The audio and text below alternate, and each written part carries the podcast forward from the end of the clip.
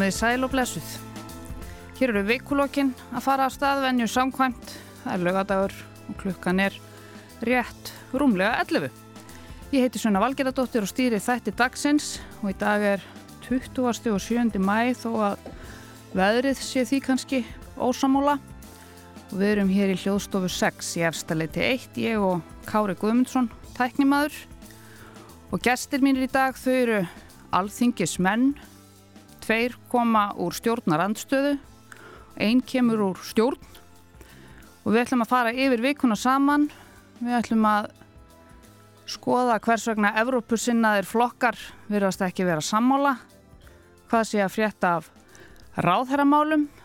Við ætlum að tala um það sem við elskum öll að tala um peninga og veðrið.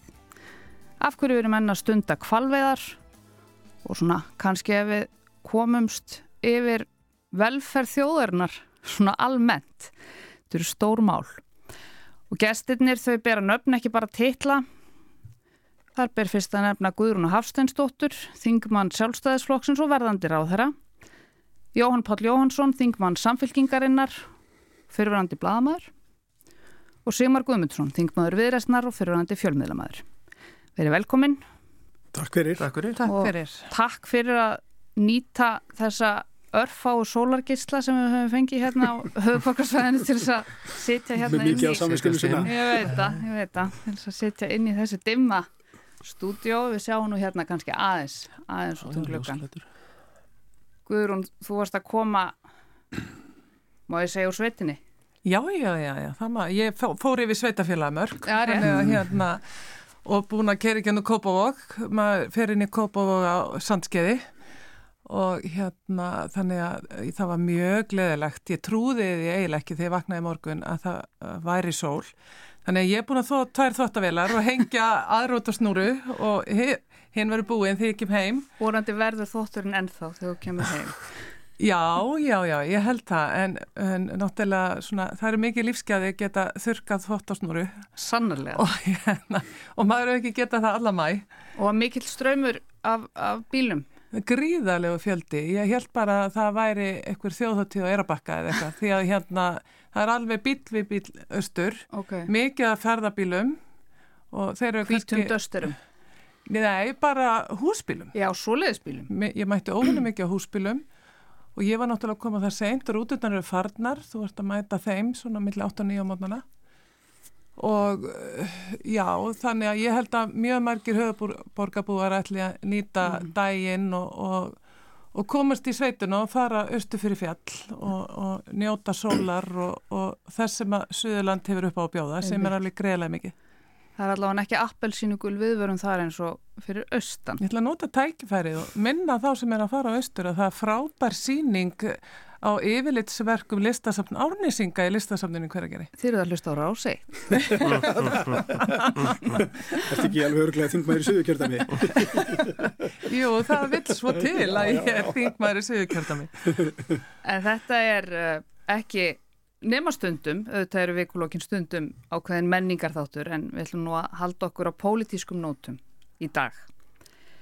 Ég kynnti þið inn sem verðandi ráð þeirra, Guðrún, og eðlilega gerði ég það. Það er búið að tala mikið um það og þegar ríkistjónum var mynduð fyrir meira en áttjón mánuðum síðan þá uh, kom formaðurinn þinn, Bjarni Benediktsson og, og tilkynnti að Jón Gunnarsson er þið dómsmálaráð þeirra í áttjón mánuði og síðan myndir þú taka við.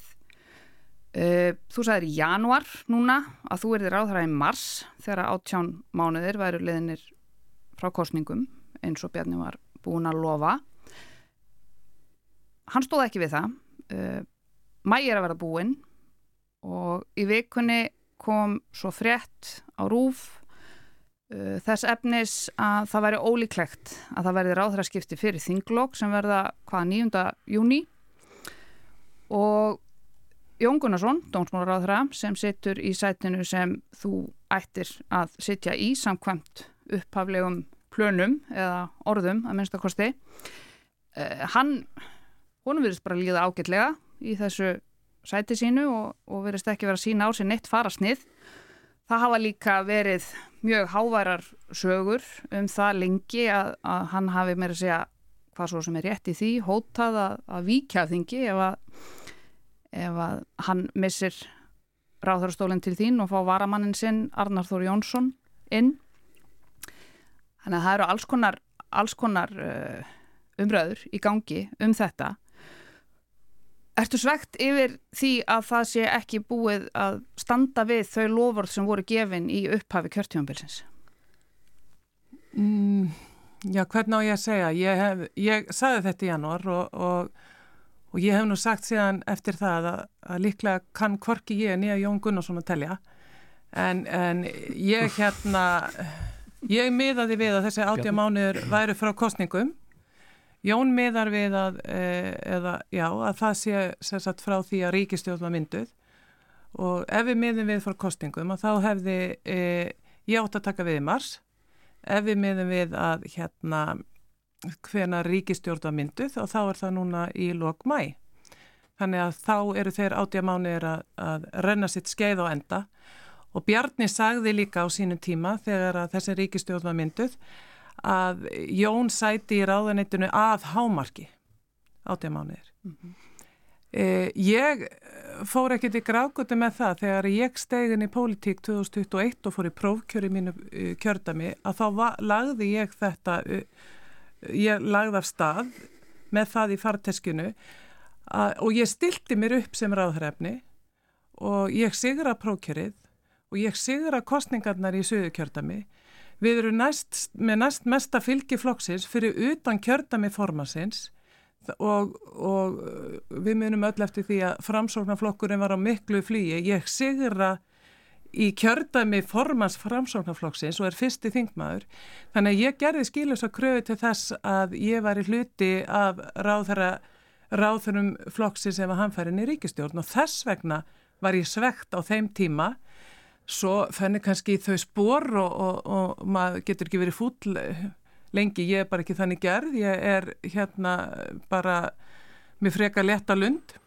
Þannig að e, ég hef verið svegt fyrir kjördamið en eins og sjálfstæðismenn almennt í kjördaminu það var sendt frá sér bæði þegar ríkstjórnum var stopnuð líst yfir vonbregðum og, og furðu yfir því að, að Já, eiga ekki fulltrúa í ríkstjórnini. Ég hef verið svegt fyrir hönd míns kjördamis sem eins og Sigmar heyrði hér á en ég er mjög stolt að fá að vera mm. þingmaði fyrir mm -hmm.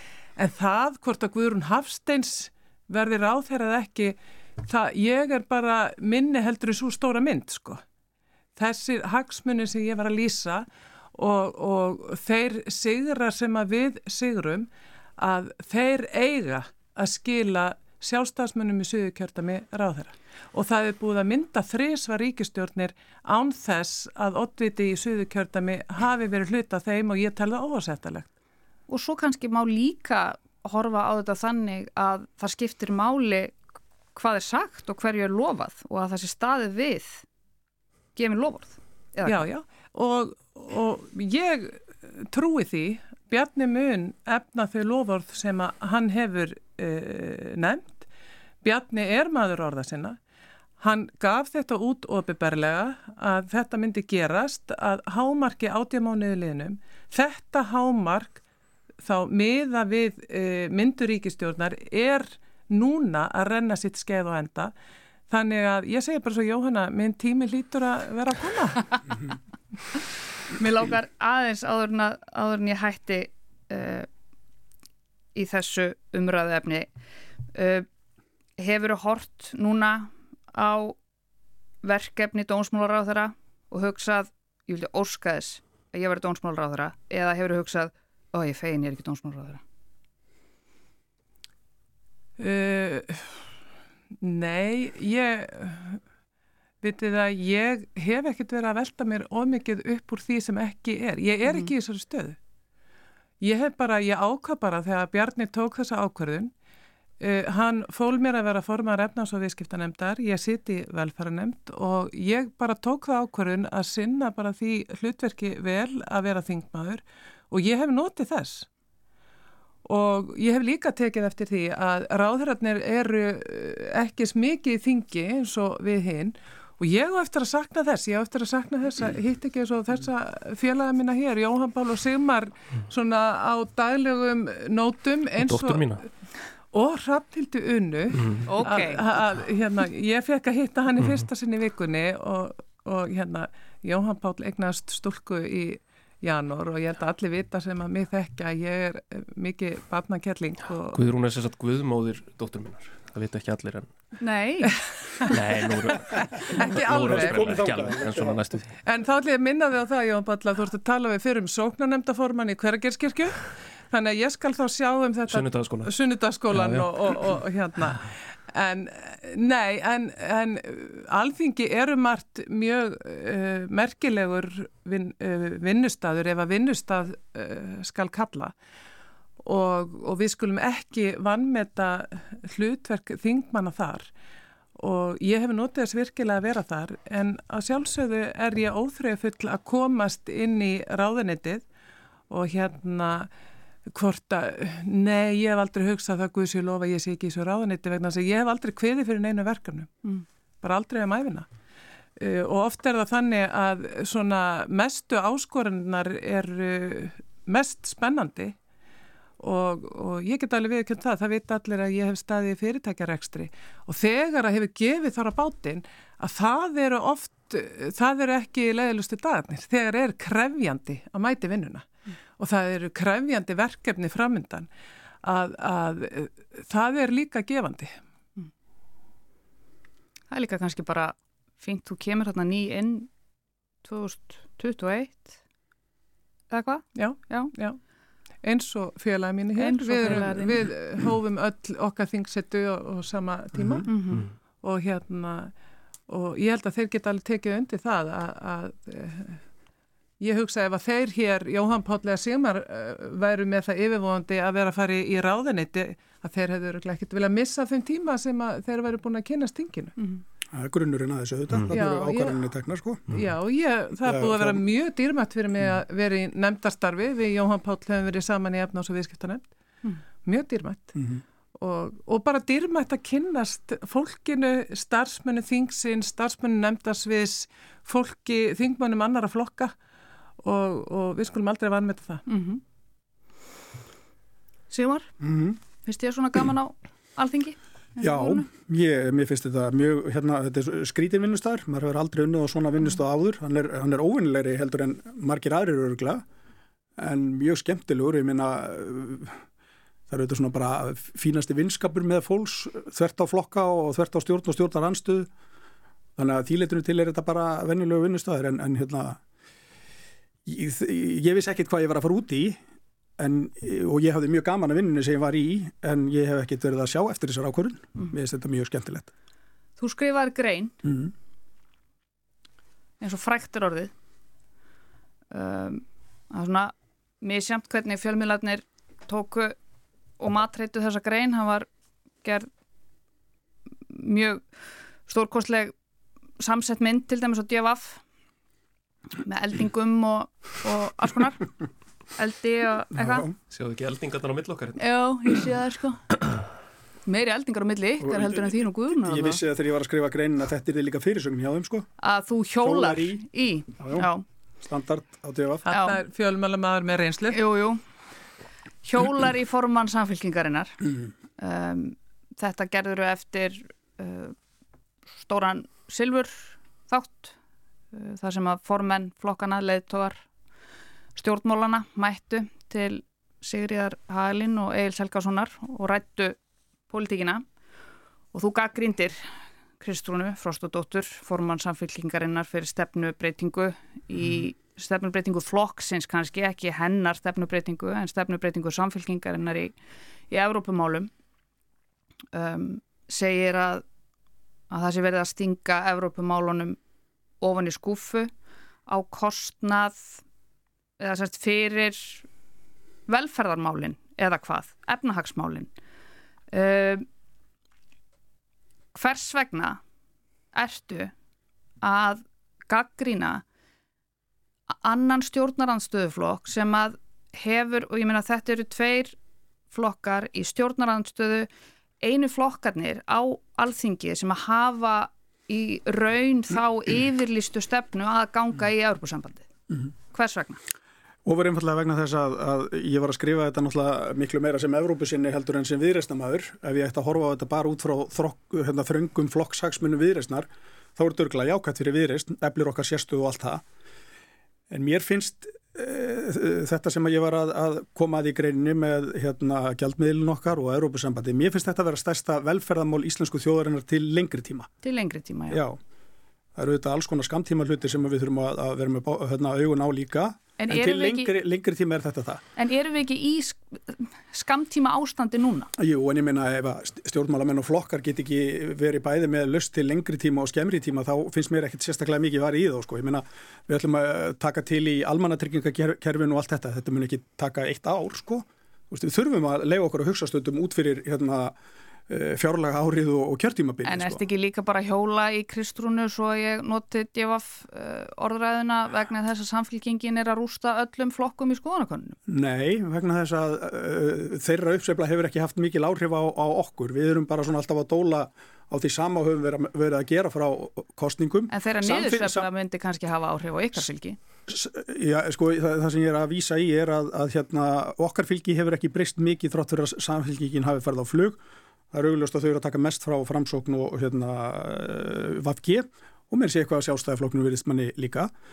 En hérna eh, það er bara ekkert sko neitt aðalættir í þessu, samfélkingin er bara ná fyrir styrk, samfélkingin hefur fjóru sinnum eh, fengið yfir 25% í kostningum þetta er jafnaðmannaflokkur á Norðurlandunum eru þessir jafnaðmannaflokkar yfirleitt talsvilt stærri heldur en samfélkingin hefur verið undanfærin áratug. Þannig að að það sé svo sem bara breytast út af því En e, ákveð ætti ég að vera slást við e, samfélgíkunum þetta, ég er auðvitað ekki að slást við einn eða neitt. Ég gaggir inn í ríkistjórnina að því að ég er í, í stjórnarnarstöður og ósamála stefninu sem að það er framfyllt.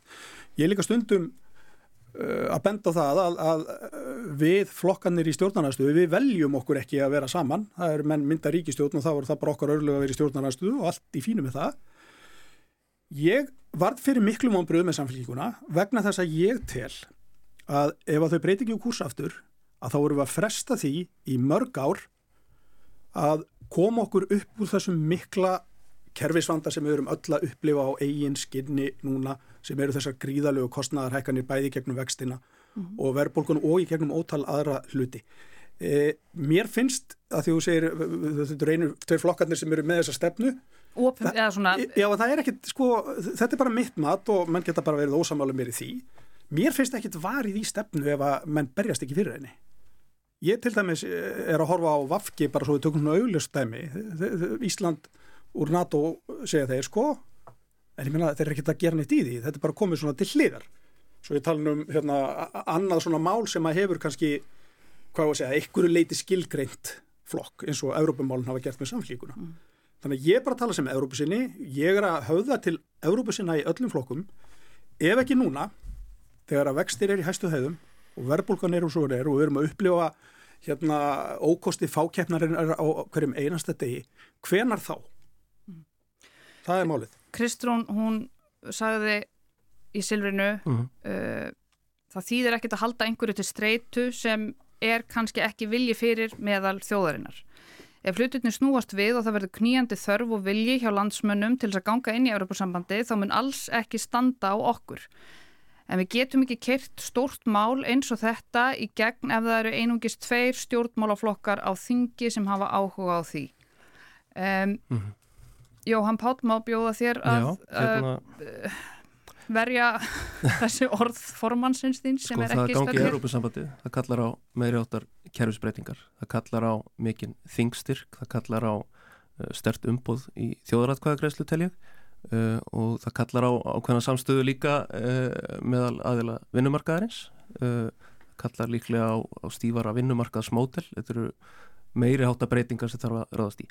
Það sem við í samfélkingun erum að gera núna Mér finnst mjög áhugavert að samfélk mér líður ekki eins og þarna sé manneska í samfélkingunni að tala. Mér líður eins og þetta sé einhver annar, eða fulltrú einhvers annars flokks vegna þess að, að þetta er svolítið rétt. Kanski hefur samfélkinginu einhver leti breyst. Kannski er það bara þannig um, sko það sem við erum að gera núna er að við erum að leggja höfuð áherslu á að við sem jafnaðamannaflokkur við ætlum að setja á ottin tala mest um þau mál sem við vitum verkefni sem við vitum að við getum skilað af okkur strax á næsta kjörtífanbili uh, og við ætlum ekki að gefa neitt afslátt af. Við erum að tala um heilbriðistjónustuna við erum að tala um almannatryggingar við erum að tala um húsnæðisöryggi við erum að tala um samgöngur uh, og flokkum hættir til að færast of mikið í fang og samfélkingin hefur brent sig á því að vera einhvern veginn allt fyrir alla, gera allt fyrir alla, lofa öllu fóru. Við ætlum bara að læra þeim mistökum og við erum bara algjörlega raunsæg með það að það er ekki mjög sennilegt að Ísland muni ganga í Evrópusambandi strax á næsta kjörtímanbili. Það breytir því ekki að við erum Evrópusinnaði flokkur, uh, við erum samherjar viðreysnar þar Uh, Sigmar er óanaður með þessa forgangsröðun, það er bara allt í lagi. Uh, hann getur gengið í samfélkinguna ef hann vill hafa áhrif á forgangsröðun samfélkingarinnar. Ég hef líka oft verið hissa á áherslum viðreysnar en við erum uh, saman í stjórnarnanstöðu, saman í því verkefni að reyna að koma vitinu fyrir vitskerta ríkistjórn þannig að ég hef svona reynd að tæmja mér að vera ekki að skjóta mikið á, á, hérna, á viðreysn þótt ég sé oft hissa á einhverju sem þaðan kemur. Um, En þetta er bara verkefni, þetta er forgansröðun sem við höfum markað okkur. Kristún Frostadóttir var mjög skýr með þetta áður en hún var kjörinn formaður samfélkingarinnar um, og jáfnvel hörðustu Evrópusinnar í samfélkingunni eru ánæðir með þessa forgansröðun og, og skilja hvað við erum að gera. Það snýst líka um að abla trúveruleika og abla, abla sér trösts.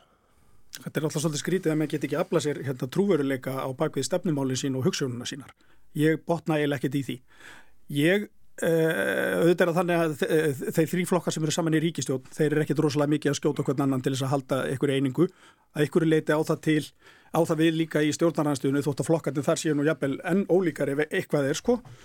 Uh, hins vegar eins og ég segi þetta mál sem að hríslast inn í alla kema samfélagsins þar sem við erum að upplifa núna óreittlætið á hverjum einasta degi ef ekki núna, hvenar þá Við þurfum ekki að ganga í Við þurfum ekki, við þurfum ekki að ganga í Skorti á sjálfströsti eins og við getum ekki, mm. eins og við getum ekki náð samstöðu um að ganga í Európa-sambandi nema akkurat að notfæra okkur uh, akkurat þann tímapunkt þegar einhvern veginn vextir eru hvað hæstir og verðbólka hvað mest að þá þurfum við einhvern veginn að alveg keira á þetta mál.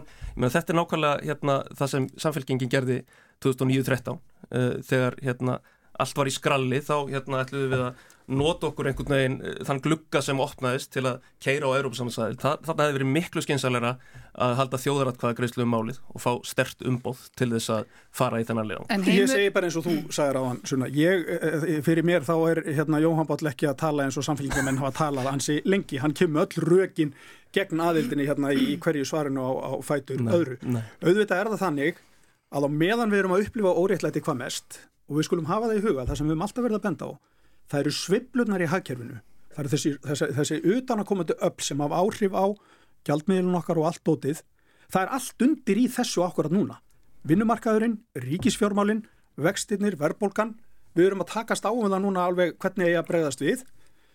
Og hérna við erum bara að hugsa eigum ekki gagvart hérna börnunum okkar að reyna að koma í veg fyrir það að þetta sé alltaf að gerast aftur og aftur og aftur? Eigum ekki, eigum ekki að reyna að lækna ekki bara skamtímavandan heldur líka hérna langtímavandan og ég, ég get ekki eh, með Európumálinn hugsað í einhverju svona rosalegri strakidíu að, að hérna við hefum ekki að nota ástandi þegar það er vest þegar maður er að sjá ókostina af því Nei, þegar maður er að sjá hérna eins og það sé ekki hægt að ná samstöðum þetta meðal þjóðarinnar nema þegar vextir eru alveg opbóstlega háir.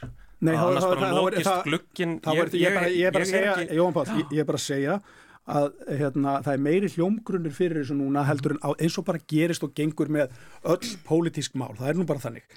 En hérna eh, og auðvitað er þetta þannig sko eh, við getum ekki skila þess á okkur á næsta kjörtjónabili með þessum brökum þá förum við aldrei á stað.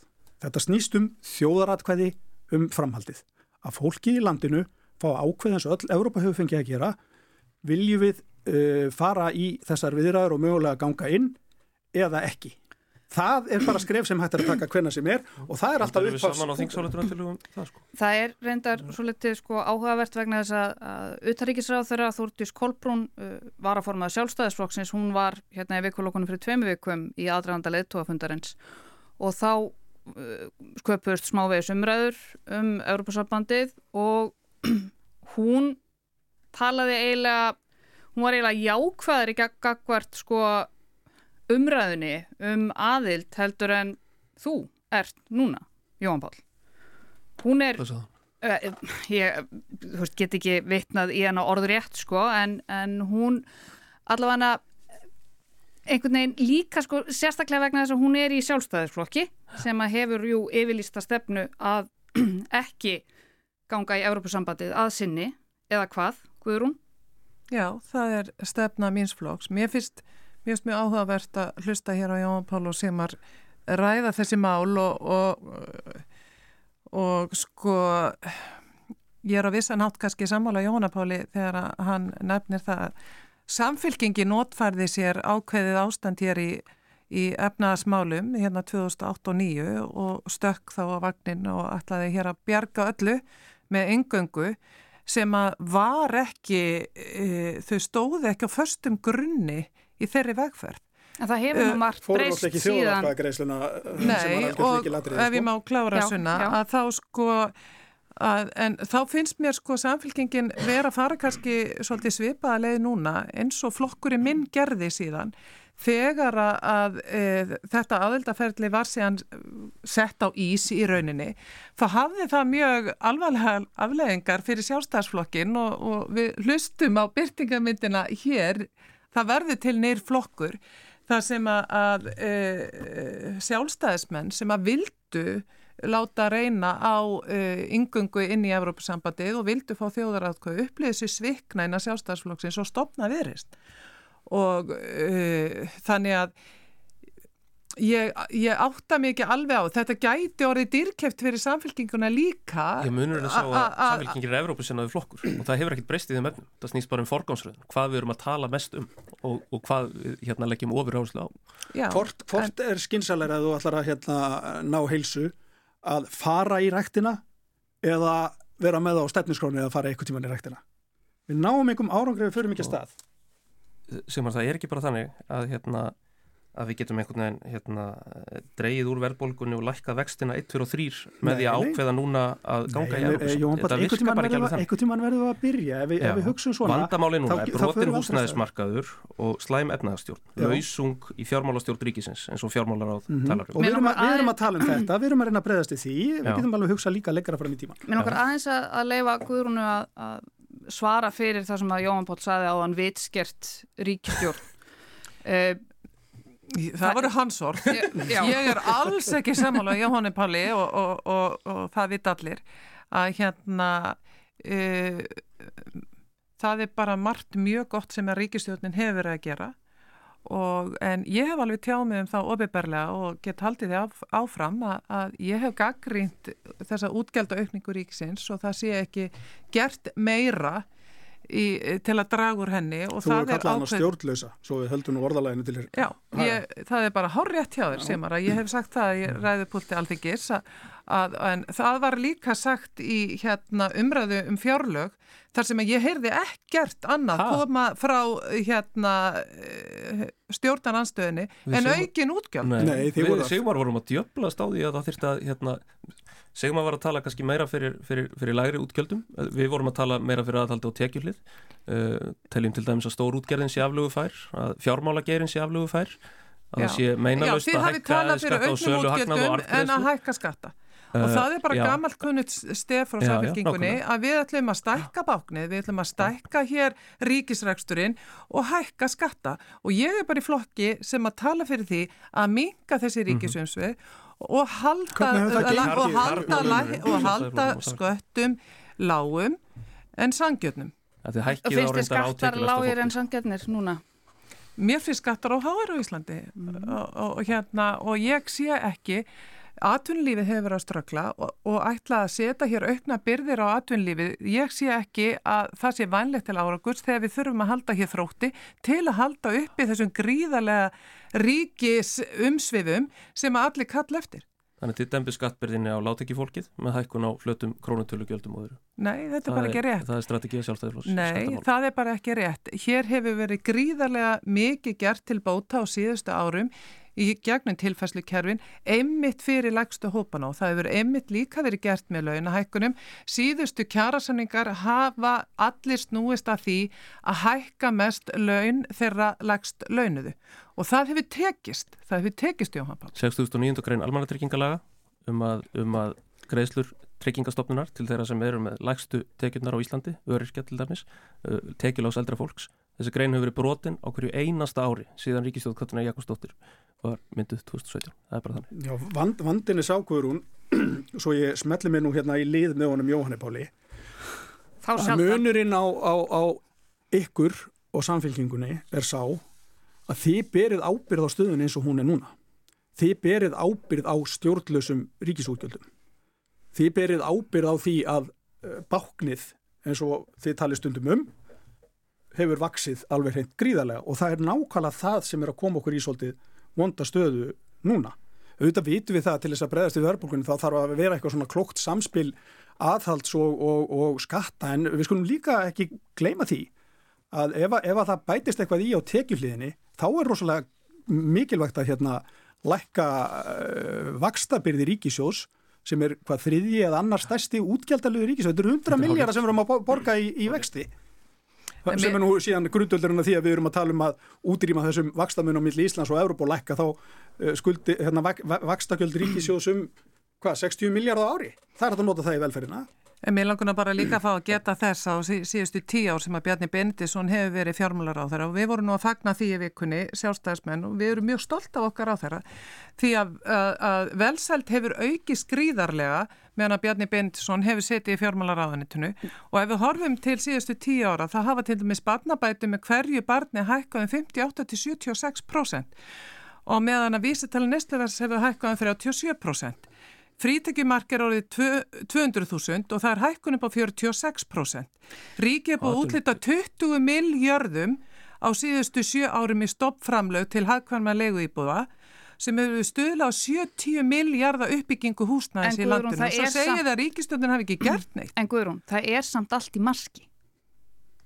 Það er vegna þess að hér, eru, hér þar ríki, vinnumarkaður og selabangi að koma saman og sameila því borði að lækka hér verbulguna og við höfum ekki gengið samstíga í því verkefni. En hvað þarf að gera til þess að ganga samstíga? Ég var að segja það. Sjálfstæðisflokkurinn þarf bara að fara að standa með stefninu sinni til þess að það gerist eh, hvað var það ríkið. og ríkið, fyrst og síðast. Ásker Jónsson Sælabankustjóri er núna og hefur síðustu vikur á mánu verið að kalla eftir því að ríki og vinnumarkaðurinn stýji þjættar inn og hjálpi Sælabankunum að hann get ekki staðið einn núna í stafni í þessu verðbólku Það þýðir að við þurfum að, að minka hér ríkisumsveðum, það er sásökafullt. Við þurfum að gera það og við getum heldur ekki verið hér með óabyrgar launahækkanir sem eru umfram getu aðunlífsins og umfram framleginni að hérna fólk verð, við erum með verkvöld núna í gangi og við heyrum alla verkalýsforkóla núna að tala um það að nú eigi bara að brína kutana og fara hér í blóðuga baráttu í haust það mun ekki gera neitt annað en að auka hér verðbólguna og að það veri enþá erfiðar að ná henni niður og við festumst hér í víta ring og vísverkunum hérna hækkani, launa og verðbólguna. Mér finnst eh, mjög sérkennilegt að lusta á stjórnarliða vera hérna benda fingri á verkaliðsrefinguna einhvern veginn þegar það eru þau sem byrja ábyrða á því. Þetta er sammeilett verkefni. þess að það þryggja aðla Já, það eru þau sem byrja ábyrða á því að það verið að reka ríkisjóð núna fjárlegum þess árs með 120 miljardar halla meðan atvinnustegur gríðarlega hátt og byllandi mm. þensla í hakkerinu Þetta er mjög óábyrg stefna og hún kindir undir verðbólgu þetta bendir fjármálaráð í ums, uh, á í umsögn sinni um fjármála áallun alþjóða gjaldir í sjóðurinn kallar eftir meira aðhaldi. Við Sigmar höfum verið óþreytandi í stjórnarandstöðu við að reyna að koma, koma, eh, koma ríkistjórninni til meðvitundar um, um þetta. En þau skelltu skollaðirum við og fyrir vikið halda vextir áfram að hækka með ömurlugum afleðingum fyrir, já, ekki síst tekju, tekjulegri hópa, fólk meðal annars sem, sem tók heiminn á lán þegar vextir voru hvað legstir og hefur séð greiðslubyrðina rjúka svoleiðis upp. Og núna eru sko mörg hundruð miljardar af, af fastvaksta lánum sem koma bráðum til vaksta endurskoðunar, það verður gríðalegt högg. Uh, leigumarkaðurinn, hann er auðvitað í skralli, þetta er einhvers á óregluvættasti leigumarkaður bara í okkar heimsfluta uh, Danir hafa það ráðist í mjög skynsalegar aðgerðir með leigu bremsu, ég held að það færi nú bara vel á því að við myndum copy-pasta þau ágættu lög núna og, og, hérna, og samþykja þau áður en þingið fyrir í sumafrí en þá þarf líka að hérna, nota vakstabótakerfi til þess að verja hópana sem er að fara hvað verst út úr þessu ástandi. Við í samfélkingunni lögðum til og fengum samþygt á alþingi breytingatilögu um að hækka eignaskerðingamörkin núna í desember og það þarf að stíga ennþá fasta til gerðar. Það er að gera það með því að hækka hámark vakstabóta. Eh, það er þá stuðningu sem rennur helst til þeirra sem eru í senn tekjulágir og með mjög þunga greiðslubyrði. Má bjóður að svara þessari ágættu einröðu? Já, þakka þið fyrir. Uh, ég ætla að vitna aftur í Sælabokastjóra Ásker Jónsson sem saði í vikunni að það er ekki hægt að stíga fram núna með óraunhafar launahækkanir inn í þetta ástand eins og það er. Uh, ef að það tekst núna með átæki vinnumarkar ríkis og Sælabanka og ef það tekst að ná hér niður eh, eða sko, hóflegum samningum á vinnumarkaði þá verður auðveldara fyrir Sælabankan að lækka vexti. Það verður alltaf mesta kjara bótin sem að hver launamaður fær að það er að fá núna lækkun vaksta eh, og það er í raun talsvert meiri kjara bót eh, fyrir launafólk heldur en nafn launahækkanir. Uh, við skulum heldur ekkit gleima því hvað Sælabankin er að gera með hækkun stýrivexta. Hann er að knýja fram útgjaldar minkun heimila. Hann er að draga úr getu fólks til þess að, að, að eigða peningum í eitthvað annað heldur en bara það allra nöðsilegasta. Er... Þess vegna er það mikilvægast núna fyrir stjórnvöld að það er að ná niður verðbólgunni, að það er að styðja við þá sem að þessi verðbólga er að bytna hvað harðast á og svo verður við að halda áfram að tryggja hér fólki húsnaði því það er mjög alvægli staða. Má ég benda það augljósa sem er það að hér eru menn nákvæmlega alltaf að velta því fyrir sér hvernig eigum við að bregðast við sjúdónum. Það er engin að reyna að velta því fyrir sér hvernig við eigum að koma í veg fyrir það að þetta gerist aftur og aftur. Þetta er, alveg, þetta, nei, þetta er alveg satt sem að Guðrun er að segja að ef að laun hækka umfram framleinu aukningu þá byrtist það okkur í verbulgu og sem að síðan aftur þýðir herra vakstastík. En við getum hins vegar ekki kift úr sambandi því að við verðum auðvitað að skilja fólk, við verðum að skilja verkefliðsefinguna mm þegar að hérna, það blasa við 9% vextir og, og 10% eh, verðbólka eða 9,5% verðbólka. Skoðum þetta eins. Uh, Vakstahekkunni núna síðasta. Uh, það eru mjög mörg heimili með kannski 40-50 miljón krónar lán því að húsnaði er bara dýrt. Þetta er bara það sem að menn er að, að, að, að setja í það og borga niður á, á, á löngum tíma. Bara vakstahekkunni núna, hún hækkaði greiðslubyrðina um 40-50 þúsund á mánuði. Þetta er, þetta er hálf miljón á ári, þetta eru mánaðalögn, með, svona meðalteki fólk er að missa út heil mánaðalögn því að þetta eru auðvitað allt eftir skatt sko. Þetta er alveg svakalegt högg og auðvitað hérna er það, maður skilur alveg verkefliðsefinguna að tala svona eh, eins og hún gerir. En það er samt sem að það er alveg satt sem að menn segja að ef við, ef við förum á langt í þessu þá eh, er hægt við að, að við séum þá að gera það sama og ríkistjóðunir að gera. Við verðum ekki að taka réttu ákvarðanar til þess að uh, eh, minka verbulgun og þar með vextina. Það er þá bara ákvarðun sem að uh, hver og einn verður að gera upp fyrir sig. Aðalatriðið er tökum á vandanum og reynum að koma í veg fyrir að þetta gerist alltaf aftur og aftur. Mér langar aðeins að fá að bregðast við þessu því að hérna allar upplýsingar sem við höfum núna innan á bankakerfinu og Sælabankin er að stiðast við er það að við sjáum ekki núna að vanskil sé að aukast með alvarlegum hægum. Já, við leiðum mér að klára. Má ég fá að klára, herra bínir, má ég fá að klára. Við sjáum ekki að vanskil sé að aukast.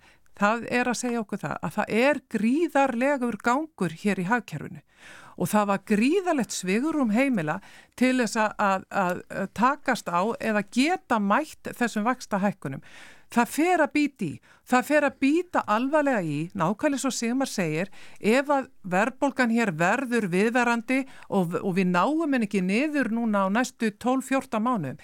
Þess vegna við erum með lausa kjærasamninga um næstu áramót og hösti verður að fara í það að ná hér einhverju sátt á vinnumarkaði. Ég skil mjög vel launafólk hér í landinu sem að horfir á 10% verðbólgu, fer í bónus eða krónina hér í hverju viku og sér bara þennan einfalda póka sem fólk er að kaupa, hækka hér um einhverja þúsukalli hverju viku.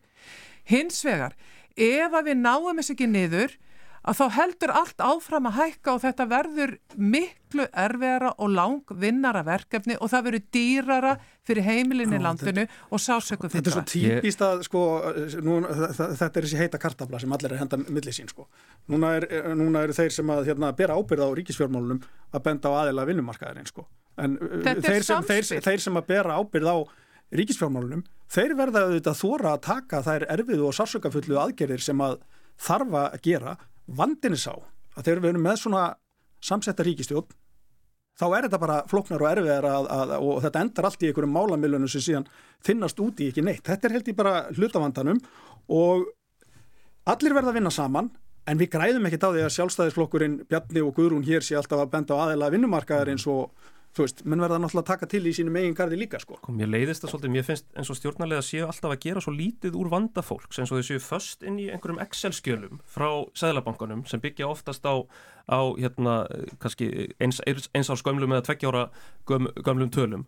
Uh, í staðin fyrir að kannski fara út og tala við fólk, ég menna, maður heyri frá fólki á hverjum einasta degi sem er í byllandi vandræðum, uh, ímist á leikumarkaði eða vegna hækkandi vaksta og Núna eru tvær vikur eftir af alltingi og við þurfum bara að sína lit og senda skýr skilabóti fólksins í landinu um að við stöndum með því. Og við eigum tæki til þess að verja fólk fyrir hækkandi greiðslubyrði uh, og ríkið þarf að sko það er ekki að benda á hérna vinnumarkaðin stöðut og segja að þetta er ykkur að kenna ef, hérna, ef ríkið er beinlíni sko gerandi í verbolgu þróuninni er að, er að íta undir þensluna og grýpur ekki til þeirra tækja sem það hefur til þess að koma böndum á hana. Ég ætla bara að nefna eitt sem ég við svolítið aðtæklusvert. Uh, við höfum auðvitað í stjórnarhansstöðu verið að kalla eftir aðaldi. Eitt af því sem við höfum kallað eftir er að bankaskattur verði hækkaður. Uh, það fór kannski ekki mikið fyrir því núna í vikunni en hérna samhliða vaksta hækkuninni þá hérna kynnti Sæðlabankin þá ákverðun að hækka fasta bindiskildu úr 1% upp í 2. Mm. Uh, þetta þýðir á mannamáli að sko bankarnir eru raun þvingaði til að setja einhverja 20 miljardar inn á fastan reikning, vaksta lausan reikning í Sæðlabankunum. Það verður að taka þetta fjórumferð til þess að spórna gegn þenslu og útlána vexti uh, og sko efnahagslega séð hefur þetta eiginlega alveg nákvæmlega sömu áhrif og það hækka bankaskatt. Þannig að þarna vegna í rauninni sko ákvarðana fælinni og tregðu hjá ríkistjórninni sem treystir sér ekki til að taka ákvarðanir til þess að spórna gegn þenslu þá rauninni er það Sælabankin og ókjörnir embættismenn sem taka af þeim ómakið. Vegna þess að ríkistjórnin er meðvirk gagvart böngunum, meðvirk gagvart kaupöllinni uh, gagvart þeim sem er að þjena mestu fjármastekjurnar uh, og treystir sér ekki til þess að hérna í rauninni slá á þensluna þar sem þenslan raunverulega er þá alltaf að láta almenning borga brúsan og taka á sig aðhald. Þannig er það alltaf. Þetta er alltaf þannig að í sveplunum sem eru í hagkerfunu þá er það alltaf þannig að á endanum þá fer reikningunum til venjulegra heimila, venjulegra fyrirtækja og hérna þess vegna finnst mér svolítið erfitt að því að við erum með svo margt fólk sem hefur reynslu af atvinnulífinu inn á þingja menn, menn átti sér ekki á því að við getum ekki verið í þessum sveiplum endalust. Guðrún, þú hefur nú aldeilis reynslu af atvinnulífinu. Já, já, ég hef verið þar alla æfið þangað til fyrir tveimur árum að ég settist á þing og, og það er alveg merkilegt, merkileg lífsreynsla á komin á þing en mér langar aðeins að fá að grýpa það því að mér finnst það mjög leiðileg orðræða það sem, að, sem kemur mjög oft frá samfélkingunni eða stjórnaranstæðinu að við í ríkistjórnarflokkunum og sérstaklega í sjálfstæðsflokknum að við hittum ekki fólk og að við tölum ekki við fólki í landinu Við erum að tala við fólki í landinu okkur með einasta degi. Ég er að fá skilaboð og tala við fólk okkur með einasta degi rétt eins og því í samfélkingunni Jóhann Páls. Þá veistu að fólk er í byllandi vandraðum. Ég veit það alveg. Það skerur það að tala við fólki líka. Já, ég, ég veit það alveg. Hins vegar hefur það verið þannig að, að þau heimili sem hafa búið í fátækt, að þau hafa ekki verið fátækt, hafa verið núna í kringu 4% og svo tala hefur ekki verið jafnlá síðan fyrir efnaðshrjunni 2008 og það er, það er gott, leið mér að klára Jóhann Pál, það er gott og við erum að fagna því. Og þess vegna segja ég það Er þetta ekki nákvæmlega Excel-skjali sem að Jóhann Pál voru að tala um? Jú, það getur vel verið. Þess vegna vil ég fá að segja það að núna í núverandi ríkisfjármála áallun er verið að stíga núna skrefi átt að því að hefur ofinbæra taki ábyrð á þessari stöðu og við í sjálfstæðarsfloknum við viljum gera enn betur Og þess vegna er mjög mikilvægt núna að fjármála áallun verði skoðuð og rínd betur og, og hérna og trúverðuleiki hennar aukin með auknum aðhalsaðgerðum því að hérna við verðum að láta þær aðhalsaðgerðir raungerast með fjárlögum í haust. Allt með verðbólku snýssoldu um að stýra vendingum. Af hverju ætti fólk að hafa vendingar um það og markaðurinn að hafa vendingar um það að það sé eitthvað að fara að gerast? Sko fjármálaráð, uh, alþjóðsambandið, samtök, atvinnulífsins, allir þeir sem hafa veitt umsögnum þessa fjármálaáallun segja allir það sama.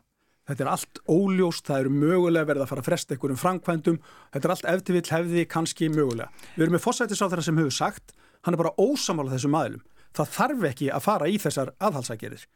Uh, sjálfstæðisflokkurinn hérna uh, þar sé hann að eiga samtalauðu þetta við Vafki en vendingastjórninin er þess aðlis að það eitt og sér er svona, eru nokkuð spreka á þetta verðbólku bál. Við sjáum þetta líka bara best í því að verðbólku væntingar hafa farið hækkandi síðan þessi áallun hefur fram, bara aðil, hef, var lögð fram, sko aðilar á, á markaði hafa ekki trú á því að, að, að þessi áallun verður til þess fallin að slá á verðbólku. Má ég spyrja, má, má, má ég spyrja ykkur, ertu sátt við, finnst þér eins og við höfum stíð nægilega mikið skref í þessari fjármáláallu? Nei, ég er búin að segja það að ég hefði viljað stíga stærri skrif. Ég er búin að segja það er mjög langan tíma að þú varst að vittni ormin áðan Sigmar að ég sagði í December að útgjöldun væri stjórnlaust. Svo varst að segja hérna rétt á hana að fjármálaállinu væri bara fín. Þið hefðu þá þurft að stíga þessi skref fyrr. Ég sagði að í ríkis fjármálaállinu væri núna verið að stíga skref, fyrstu skref í átt af því að henn opibera taki ábyrð á stöðunni. Og við þurfum núna að endur skoða fjármálaállinu og stíga þar stærri skref sem við getum síðan látið raungjarast inn í fjárlögum í höstinu og mér langar að fá að benda á það hér að nú nýlega að þá breytti standard og púrs hérna lánshæfi smati ríkisjós og stöðum í ákvæður og hvað þýðir það?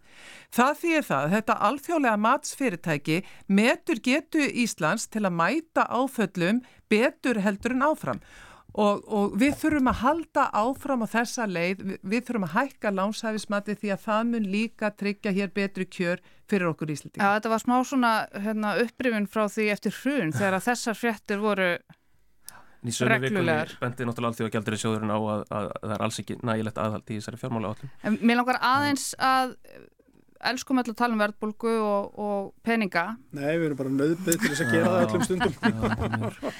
Um, þú sagðir áðan meðvirk ríkistjórn. Mm. Um, mér langar að spyrja þig, Guðrún, örlítið út í kvalveðar.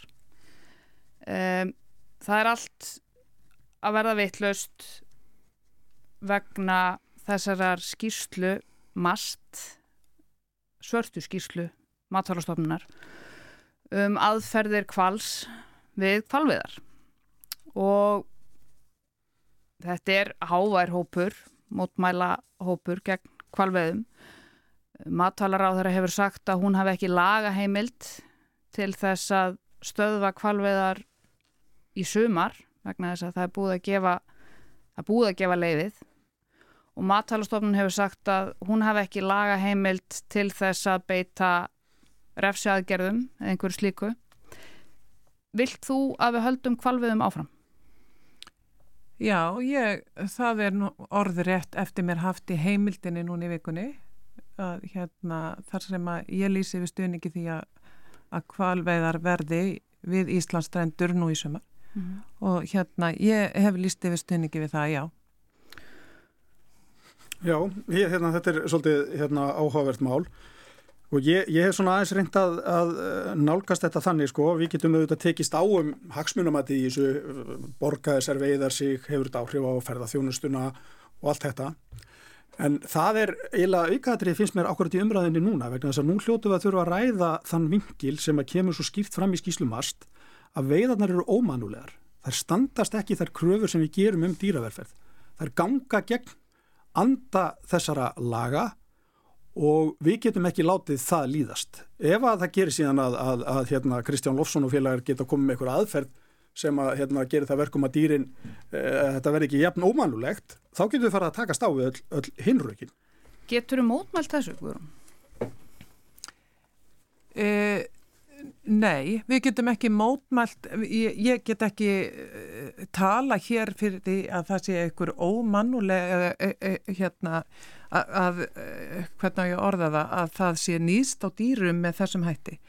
E, hins vegar verði að benda á það að e, það er ekki til neinn hlutlag viðmið og uh, við þekkjum það, ég hef verið mikið til sveita eða, já, og verið á sveitabæjum og það er margt í dýrahaldi sem að mörgum finnst framandi sem að ekki hefur ekki hafa komið nála því. Það myndi engin búndi með viti láta skeppnuna sína gangi gegnum svona lag. Nei, ekki, nei, ekki það, ég er nefnilega sammála því, leið mér að klára já, áður um skripið fram í, að e, hérna, við samþykjum það ekki að dýr kvæljist við slátrun eða, eða þarna er Hins vegar er uh, vilja svimir meina að, að kvalitnir að þetta sé eitthvað orðumöykið að, að þetta sé ekki, ekki svimir. Ekki Kristján Loftsson. Já, ég sagði svimir að, hérna, og hann er auðvitað ekki einnum það.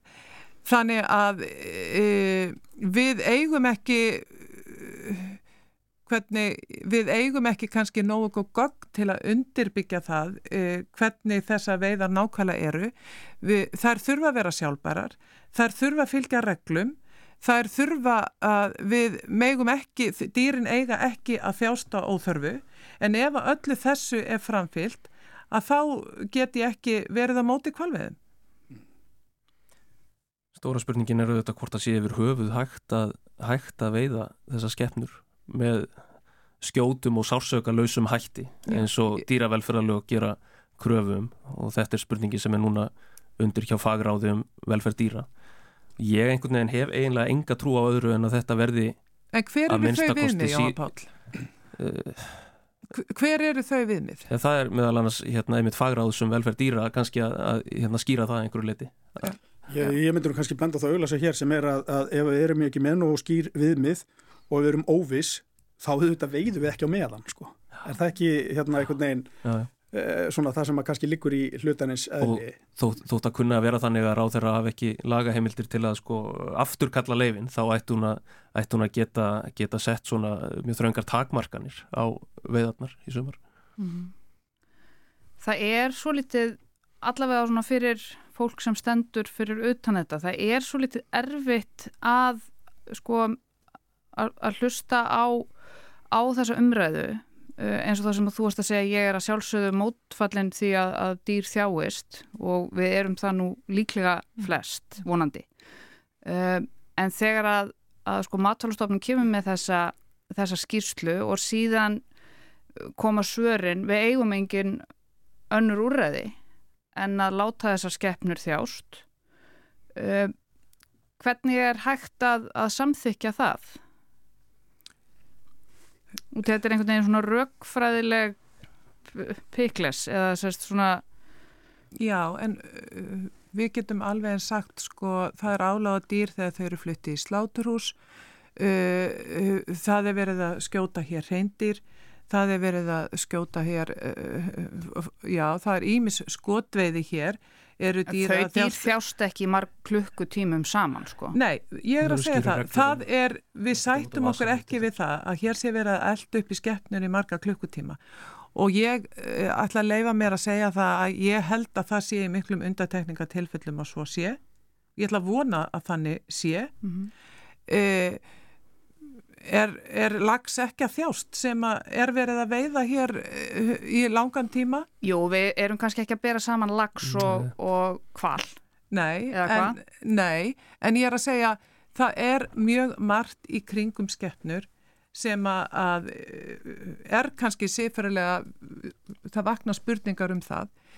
Eh, ég held að hérna við þurfum að móta bara og við eigum reglur í kringum kvalvegar og fólk þarf að fara eftir þeim mm.